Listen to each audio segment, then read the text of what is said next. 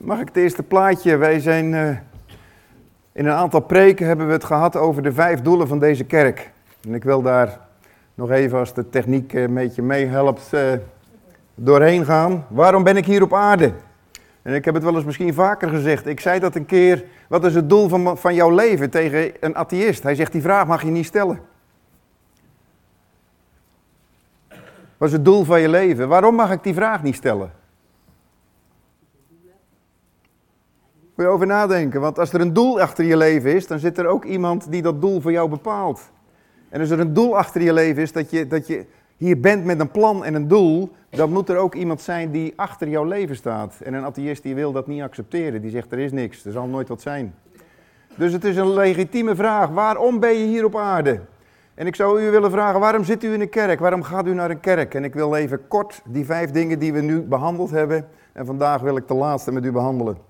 Het eerste, je bent geschapen om God te aanbidden met heel je leven. Dat noemen we. Hoe noemen we dat? Aanbidding. Zeg het eens even hardop. Aanbidding. Daar bent u voor gemaakt.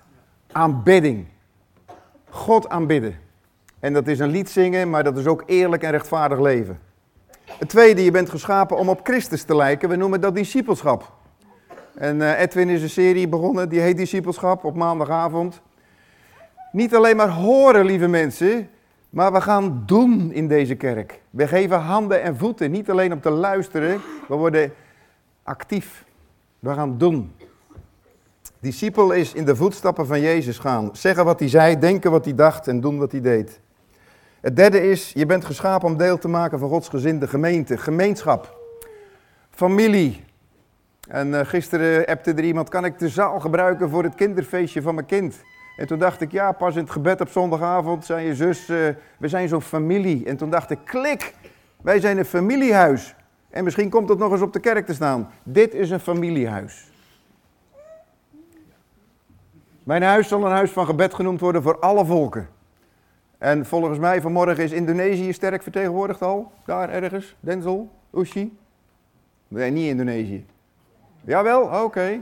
Ja, Marlene Ruud, toch? Ook Indonesië. En misschien nog meer. Uh, Irak, ook nog een keer ergens. Uh, Portugal, ook nog een keer. Zuid-Afrika. Zuid-Afrika, hoe kan ik dat vergeten? Oekraïne. Oekraïne. Uh, Slava, Slava, hoe heet dat ook alweer? Slava, Oekraïne. maar wij zijn een huis van gebed en familie zijn wij. Met broers en zussen. Zelfs uit een heel ver land heb ik vernomen. Uh, Krapendiki. Ze komen ook overal vandaan, die mensen. Maar wij zijn geroepen voor gemeenschap. Uh, moeilijk woord in het Nederland. Fellowship in het Engels, dat vind ik veel beter klinken. Fellowship. We zijn, hey, kom op, broers en zussen. En je bent gemaakt voor een, om God te dienen met de bediening. En daarom zijn er heel veel dingen. Ik geloof dat er pas een sleutellijst weer. 51 mensen of 61 met een sleutel. Die doen hier allemaal iets. Je bent geroepen om te dienen in Gods koninkrijk. En het laatste, je bent geschapen om de wereld te bereiken. Je bent geschapen met een missie. Bij het leger des heils zeggen ze, ik weet niet of dat op het plaatje, volgende plaatje staat. Kan het volgende plaatje? Je bent gered om te redden. Saved to save, zetten ze bij het leger des heils. Ik vind dat een geweldige kreet. Wie heeft wel eens gehoord van de Titanic? Niet iedereen. Hoe bestaat het, Titanic? Onzinkbaar schip wat verging in 1911. Moet ik dat nou van de van de 70-plussers horen. Jongelui, de Titanic, onzingbaar. Bekijk de film. Hij is een beetje te romantisch afgeschilderd. Maar... Weet je wat me toen opviel van die reddingsboten? Er waren reddingsboten van, weet ik veel, 50 man. Er zaten er 20 in. 30 lege plekken. Mensen die gered hadden kunnen worden, maar dan kwam er een aanzwemmen en dan gingen ze op die handen staan. Weg jij, want misschien slaat de boot wel om. Die wilden niet dat anderen gered werden. Verschrikkelijk, terwijl dat de redding mogelijk was. Hoe is dat met u en mij? Weet u dat, dat heel veel mensen gewoon verloren gaan? Niet, die zijn al verloren, die zijn op weg naar de ondergang. En die lopen zo met ogen dicht. Iemand die zei wel eens, ooit een collega van me, hij zegt, we stonden aan de rand van een afgrond. En deden toen een grote stap voorwaarts. Oh, je snapt hem niet. Je kan aan de rand van een afgrond staan. Dan zeggen ze toch, we hebben een grote stap voorwaarts gemaakt. Nieuw gebouw, een nieuw huis, grote stap, carrière gemaakt. Maar als u aan de rand van een afgrond staat en u neemt een grote stap voorwaarts, is het de ondergang. Dus vanmorgen wil ik het met u hebben over iets waar de duivel een hekel aan heeft. En heel veel christenen ook. Dus heel veel christenen zijn het op dit punt, dit thema, eens met de duivel. En weet je wat het thema is? Even kijken hoor, stond het er niet op?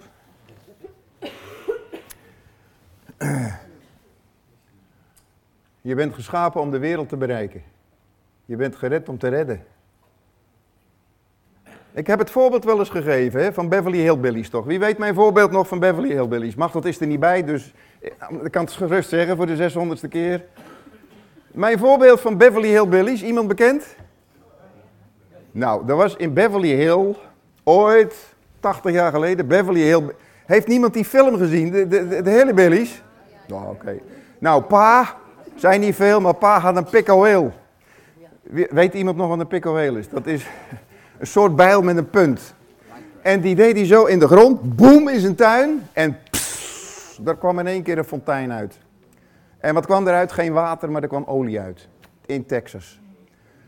En ze wisten niet wat het was, maar dat was olie. En van olie kan je dus plastic maken, benzine maken, diesel maken. En zo is het verhaal begonnen. Beverly Hillbillies. Maar stel je nou voor dat jij ook zo'n pikkelheel hebt en je gaat je tuin een beetje eh, omploegen. Ik heb van die dikke, vette zeeklei in mijn tuin. Nou zeg, verschrikkelijk. Dan sla je met die pikkelheel in je tuin en dan komt er geen olie meer water uit. Dan denk je natuurlijk de waterleiding. Maar nee hoor, het is niet de waterleiding, het is een bron. Dan denk je, nou, spaarwater of zoiets. Oud meerwater. Dat is er nog niet, maar wie weet. Je gaat ermee naar een laboratorium, want je bent toch benieuwd. En er komt op een gegeven moment uh, een grote limousine bij je voor. Paar dure mannen, driedelig pak. En die zeggen, meneer, ga eens even zitten. Wij hebben uw water onderzocht. En dit water is een geneesmiddel tegen iedere vorm van kanker. Kanker uitgeroeid. Wat zou jij dan denken? Als jij een medicijn had tegen alle vormen van kanker en misschien wel van alle ziekten. Wat zou je dan denken? De ene denkt dollartekens, toch? Ja, wees nou maar eerlijk. Ik zie gewoon, als je dat medicijn had, wees eerlijk. Wees niet zo vroom van eh, uitdelen en zo. Maar dollartekens. Kan ik goud mee verdienen. Dat denken al die, die multinationals in ieder geval. Een ander denkt uitdelen. Ik ga alle ziekenhuizen langs. Ik, ik, ik ben nog maar met één ding bezig. Toch? Als je dat, dat blijft maar spuiten.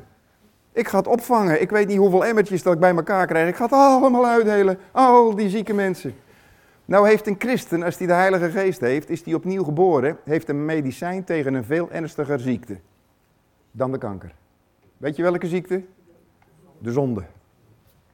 Een supermedicijn hebben wij tegen de zonde. We hebben een geweldig geneesmiddel dat mensen genezen worden van, van de zonde. En als je genezen bent van de zonde, dan leef je voor eeuwig. En dat noemen wij evangelisatie. Vertellen aan mensen dat God goed is en dat hij groot is. Nou, ik ga wat bijbelteksten met u eh, lezen. Ik ga wat snel, want we hebben nog wat weinig tijd. Dus ik word een beetje snel. Matthäus 28, vers 19. Er staat, ga er daarom op uit om alle volken tot mijn discipelen te maken. Nou staat er Eigenlijk heb ik wel eens gehoord van een dominee, die heeft er natuurlijk voor gestudeerd, ik niet. Maar er staat aanvoegende wijs. Wie weet nog van de lagere school wat aanvoegende wijs is?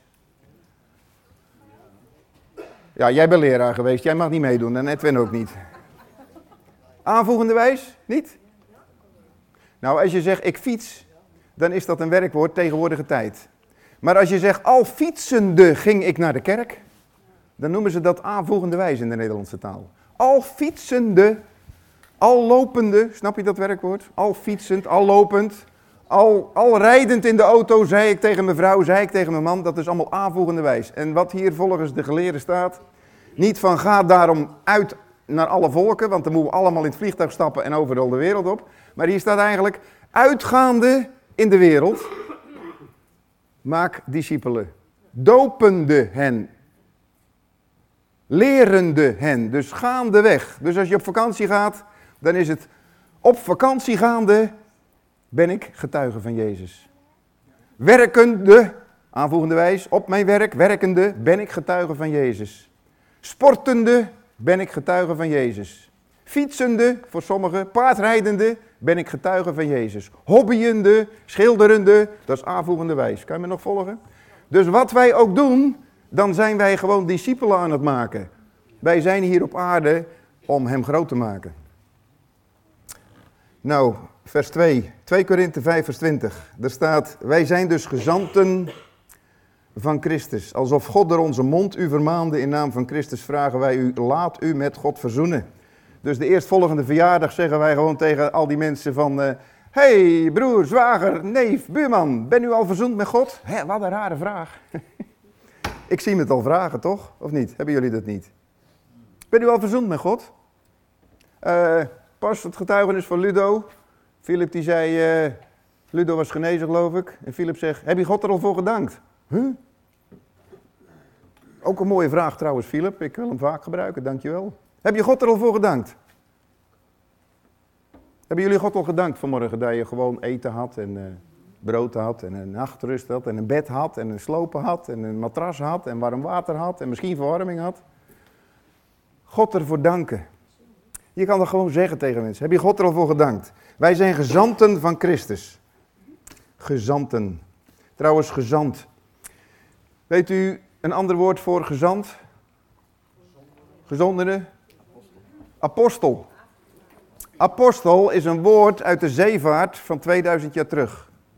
Als een koning ergens bijvoorbeeld een eiland veroverd had, zeg maar Cyprus, dan zond hij zijn apostel, zijn gezant, om de wetten van zijn koninkrijk daar te implementeren. Dus in die zin bent u allemaal apostelen. De ene in, in weet ik, Poortvliet, eh, de andere in Krabbendikkie. Wij zijn allemaal apostelen, gezanten van de Heer Jezus Christus. Waarom? Om de wetten van zijn koninkrijk te implementeren in de omgeving waar God jouw autoriteit over geeft. Dus in die zin, ik heb wel eens moeite met mensen die zeggen, ah, ik ben apostel. Uh, ik ben de apostel van deze kerk. Maar in feite zijn wij allemaal gezondenen. Dus een beetje woordspel natuurlijk. Maar wij zijn ook allemaal koningen. Wij zijn ook allemaal priesters. Wij zijn gezanten van God. Laat u met God verzoenen. Weet je wat het, ik vind het wel eens erg. Want er is allemaal al betaald voor de zonde van de hele wereld, zegt de Bijbel. Er is betaald. Niemand hoeft verloren te gaan. Jezus hoeft niet nog een klein beetje meer te lijden. Er is genoeg geleden door God zelf aan het kruis, zodat iedereen gered kan worden. De zonden zijn al vergeven, alleen is nog niet iedereen verzoend met God. Want de redding kan je afwijzen. Je kan zo zeggen, gewoon nee God, ik incasseer dat niet. 1 Petrus 2 vers 9 zegt, u bent door God uitgekozen. Tegen wie zegt uh, God dit nu vanmorgen? Lees u de Bijbel ook zo, als u dit vers leest, dat u dat niet leest en zegt, nou, Paulus zei dat tegen de Korinthe, of Petrus zegt dat tegen iemand daar toen, 2000 jaar terug. Als ik dit vers lees, dan pas ik dit persoonlijk op mijn eigen leven toe. Doet u dat ook? Wil u dat eens leren om dit soort versen gewoon u toe te eigenen? Te zeggen, ja, maar God spreekt, de Heilige Geest heeft dat niet voor, voor weet ik veel, uh, neer in de Bijbel gezet. Dit vers staat er voor u en mij in. Dus als God zegt, u bent door God uitgekozen om koninklijke priesters te zijn, dan zegt God vanmorgen tegen u, als u hier bent en u hoort dat ook thuis, u bent uitgekozen. U. Niet de voorganger en de oudste en al die mensen om u heen. Nee, u bent uitgekozen door God. U bent uitgekozen door God. Als u hier bent vanmorgen, bent u uitgekozen door God. Dat is een bevoorrechte positie, weet u dat wel? Dat is onvoorstelbaar als je dit vers op je door laat werken. U bent uitgekozen. Niet je buurman die naast je zit, voor je zit, achter je zit, die vrome mensen die hier op podium staan. Nee, jij bent uitgekozen. Jij bent uitgekozen. Met een doel. Om, wat staat er dan? Dan moet ik toch even kijken hoor. Lees ik dat nou goed? Zullen we dat eens hardop lezen? Dat tweede dik gedrukte wat er staat. U bent door God uitgekozen om koninklijke priesters te zijn, mensen die van God zijn afgezonderd, om overal te vertellen hoe goed en groot Hij is. Daarom begonnen we om te zeggen, God is goed vanmorgen. God is goed. Dus zullen we dat nou gewoon eens zeggen? In ieder geval tegen elkaar. We gaan dadelijk stoppen. Dan gaan we koffie drinken. En het eerste wat we tegen elkaar zeggen dan. God is goed. Zullen we dat eens afspreken? Dat we niet meer zeggen van, heb je het voetballen gezien gisteren in Nederland? Hè? Die drie doelpunten? Nee, God is goed. God is goed. En groot. God is goed en groot. Dus wij hebben een dubbel portie. God is de grootste. God is de beste. Eigenlijk, eigenlijk zou ik willen stoppen met mijn, mijn preek. Het is bijna tijd voor de koffie. God is goed. God is goed. God is goed. God is groot. God is goed. God is goed. En heeft mij geroepen om overal te vertellen. God is goed. Dus als ik op bezoek ga van de week weer bij iemand die, die niet gelooft, dan bid ik van tevoren. Zeg, Heere God, ik ga van de week koffie drinken bij iemand die je niet kent. Bewerk zijn hart, Heer. Ik lees het in Nehemia dat hij ervoor bidt. Maak het hart van de koning zacht. Ik lees het bij Paulus. Hij opende het hart van, van Lydia, zodat ze aandacht gaf hetgeen door Paulus gesproken werd. Bid voor dat je met een mens spreekt over God. Bid met God over die mens. Heer, open dat hart. Open het hart. Geef een opening. Geef een opening. Geef een opening. Geef een opening. Want ik wil vertellen hoe goed en groot u bent. Heer, mijn woorden schieten tekort. En uh, toen ik jong christen was, dan ging ik naar de verjaardag toe met het verlangen om van God te vertellen. En ik denk, ik denk zelf, maar ik mag niet generaliseren. Wat God met mij gedaan heeft, hoeft hij niet met u te doen.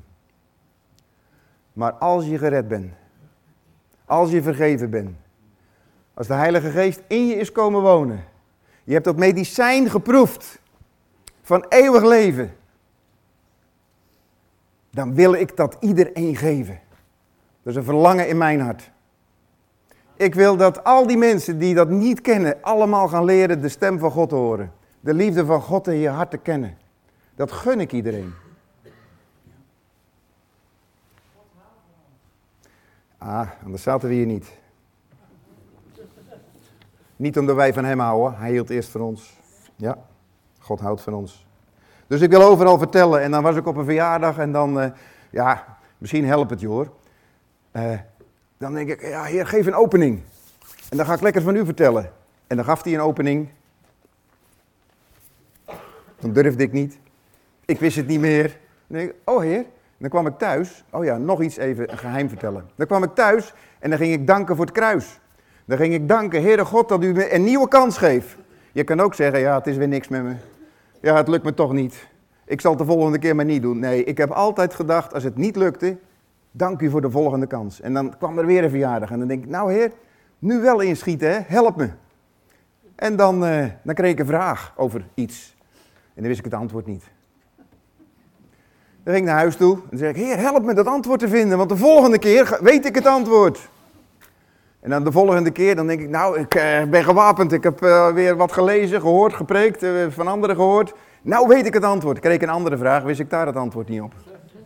Ik zeg, heer, nu heb ik al twee antwoorden gevonden van u. En zo is heel mijn leven gegroeid. Niet naar beneden gedraaid omdat het steeds maar niet lukte, maar naar boven omdat iedere keer God mij nieuwe dingen leerde.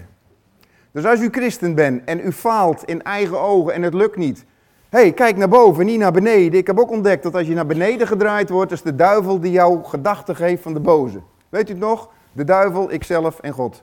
Dus luister nooit naar die gedachten van het is niks met je, het wordt nooit wat met je, het zal wel niet lukken. Nee, met God ben ik meer dan overwinnaar. In al die tegenslagen, pijn, verdriet, moeite, verdrukking, slagen, noem maar op. Dus ik ga naar boven en door de jaren heen, iedere keer mocht ik weer iets leren als kind van God. En op een gegeven moment dan, uh, dan kom je zover dat je het nog niet weet.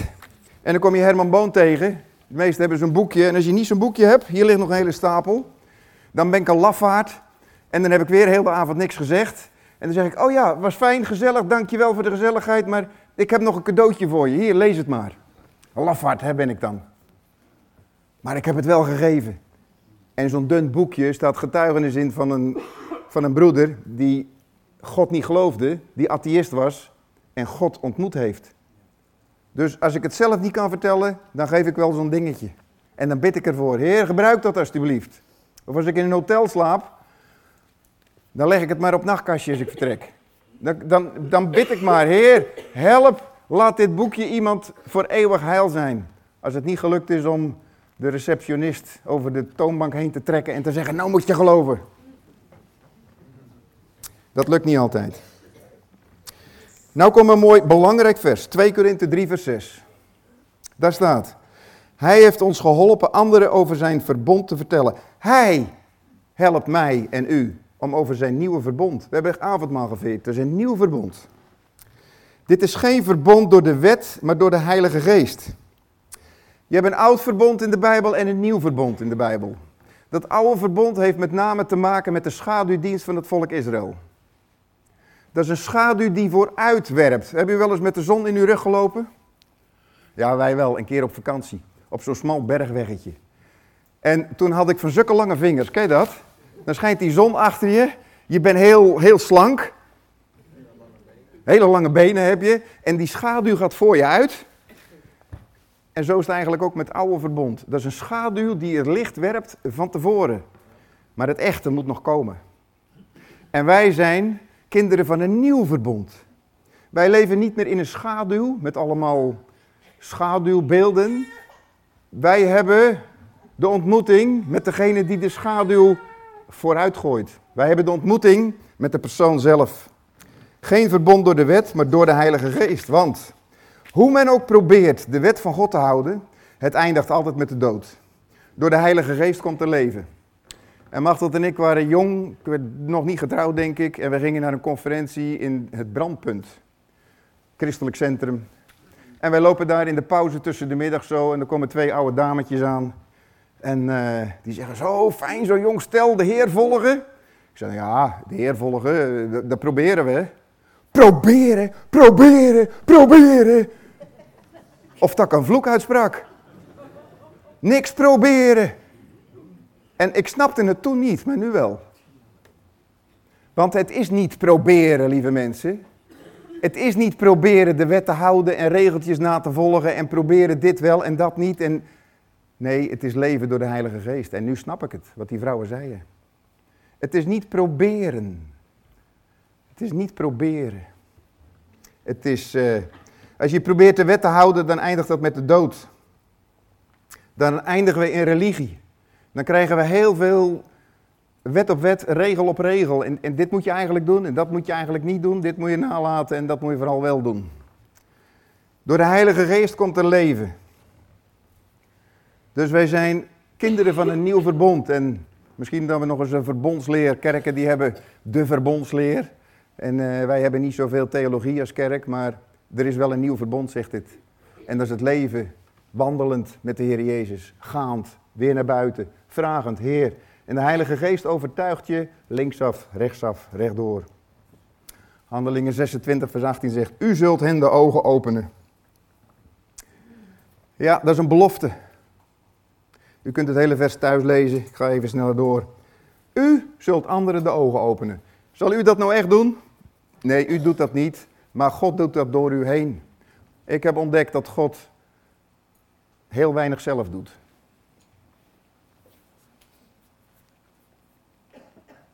U ook al, of niet? God gebruikt mensen. God wil u gebruiken. God wil door u heen werken deze wereld te bereiken. Uitgaande, vakantiehoudend, sportend, werkend wil God zijn boodschap aan de wereld bekendmaken. Dat heet evangelisatie misschien. Getuigen zijn.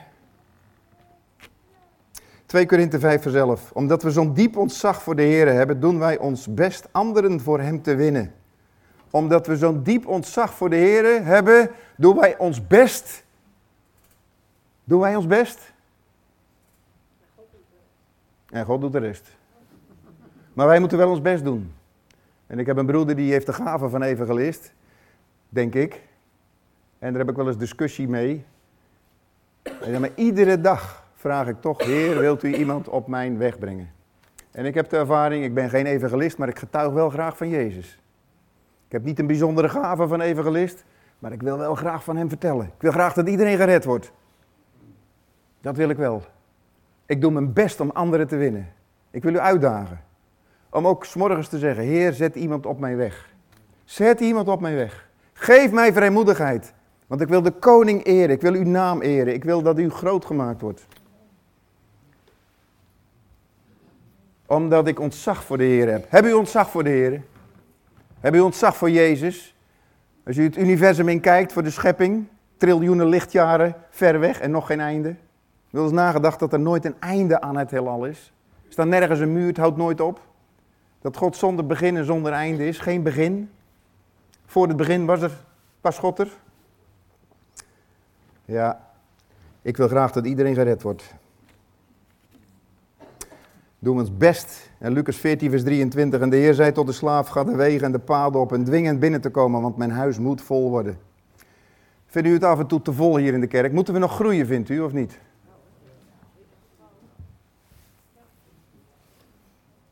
Dus volgende keer gaan we gewoon staan. Dan hebben we staanplaatsen. Dan kunnen er 700 in in deze ruimte. Weet je, we willen niet groeien om belangrijk te zijn. We willen groeien als kerk omdat we willen dat niemand verloren gaat. We zeggen tegen niemand loopt naar de hel, toch? Als wij onze mond houden en we hebben het woord van genezing. en we zeggen het niet. Eigenlijk zeg je dan, je interesseert me niet joh. Ga maar naar, loop naar de afgrond joh. Het gaat, het gaat er plomp in. Je interesseert me niet. Ik bid vaak, tegenwoordig vaak, Heer geef me de bewogenheid van de Heer Jezus. Als hij de mensen zag dat hij zo diep bewogen was over verloren zielen. Diep bewogen was over de eer van God, die hem onthouden wordt. 2 Timotheus 4 vers 2, ik lees dan even snel drie versen. Ik vraag je dringend het woord van God door te geven als je er de kans voor krijgt.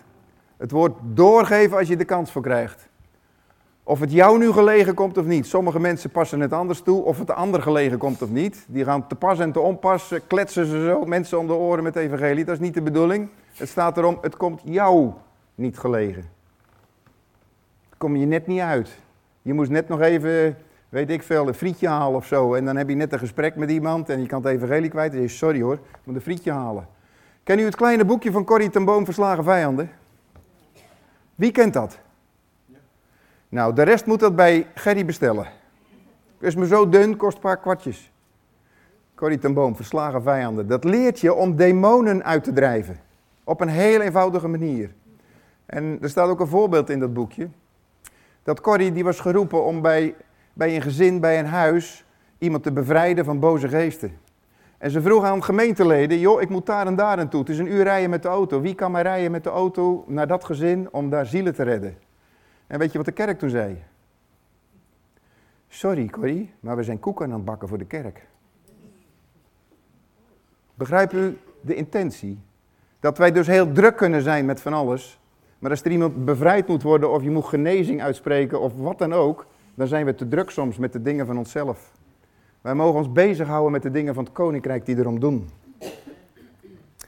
En de Engelse vertaling van 2 Timotheus uh, eh, 2 vers 15, study to show yourself approved. Eigenlijk bestudeer het woord om bekwaam te zijn om die dingen te doen.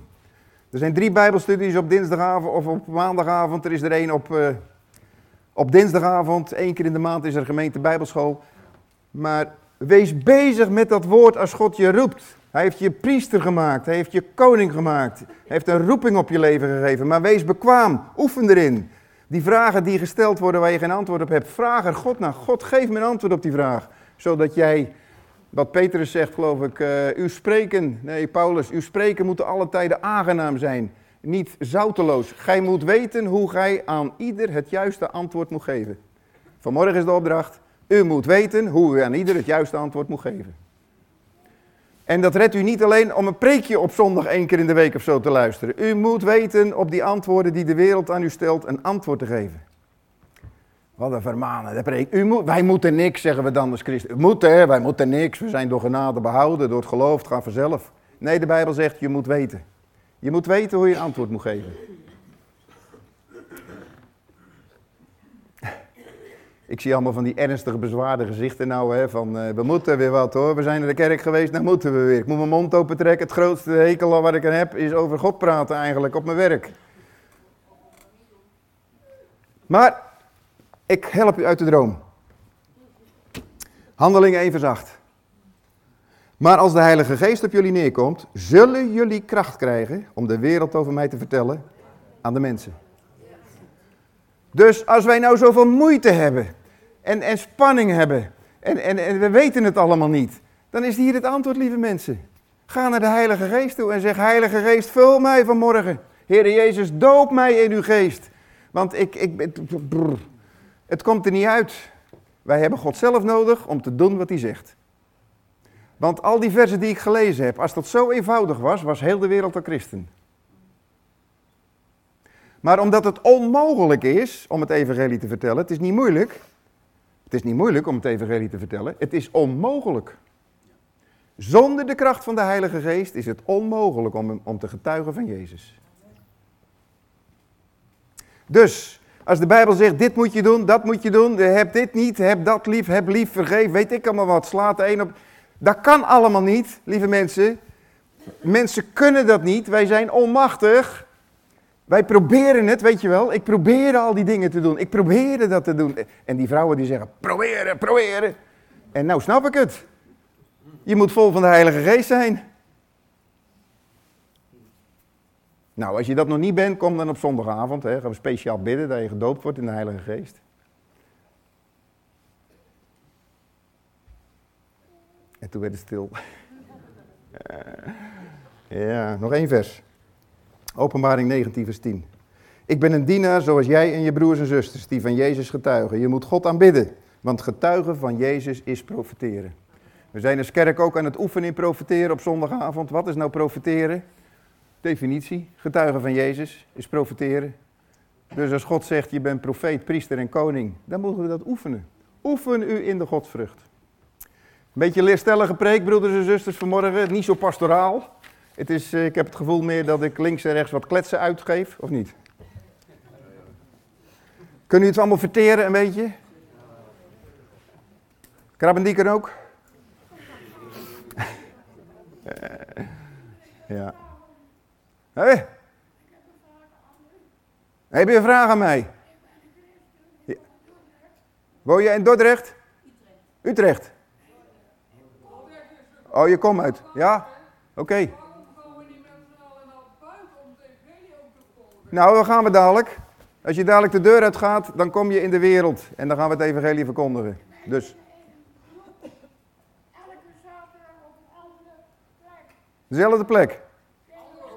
Nou, bid ervoor dat je meer eh, mensen krijgt om te gaan vertellen. Neem dat boekje mee en lees dat eens en ga het doen. Ga maar tegen iedereen vertellen dat God van ze houdt. Dus, uh, nou, hartstikke goed. Prijs God ervoor. Prijs God ervoor. Dan heb je het begrepen vanmorgen, denk ik. Wij gaan bidden. Want lieve broers en zussen, zonder die Heilige Geest is het maar geblaad wat wij doen. Dan gaan we een lesje leren in de kerk en dan gaan we het lesje op straat uitdelen. Maar wij moeten geen lesje leren. Wij moeten verbinding hebben met Hemzelf.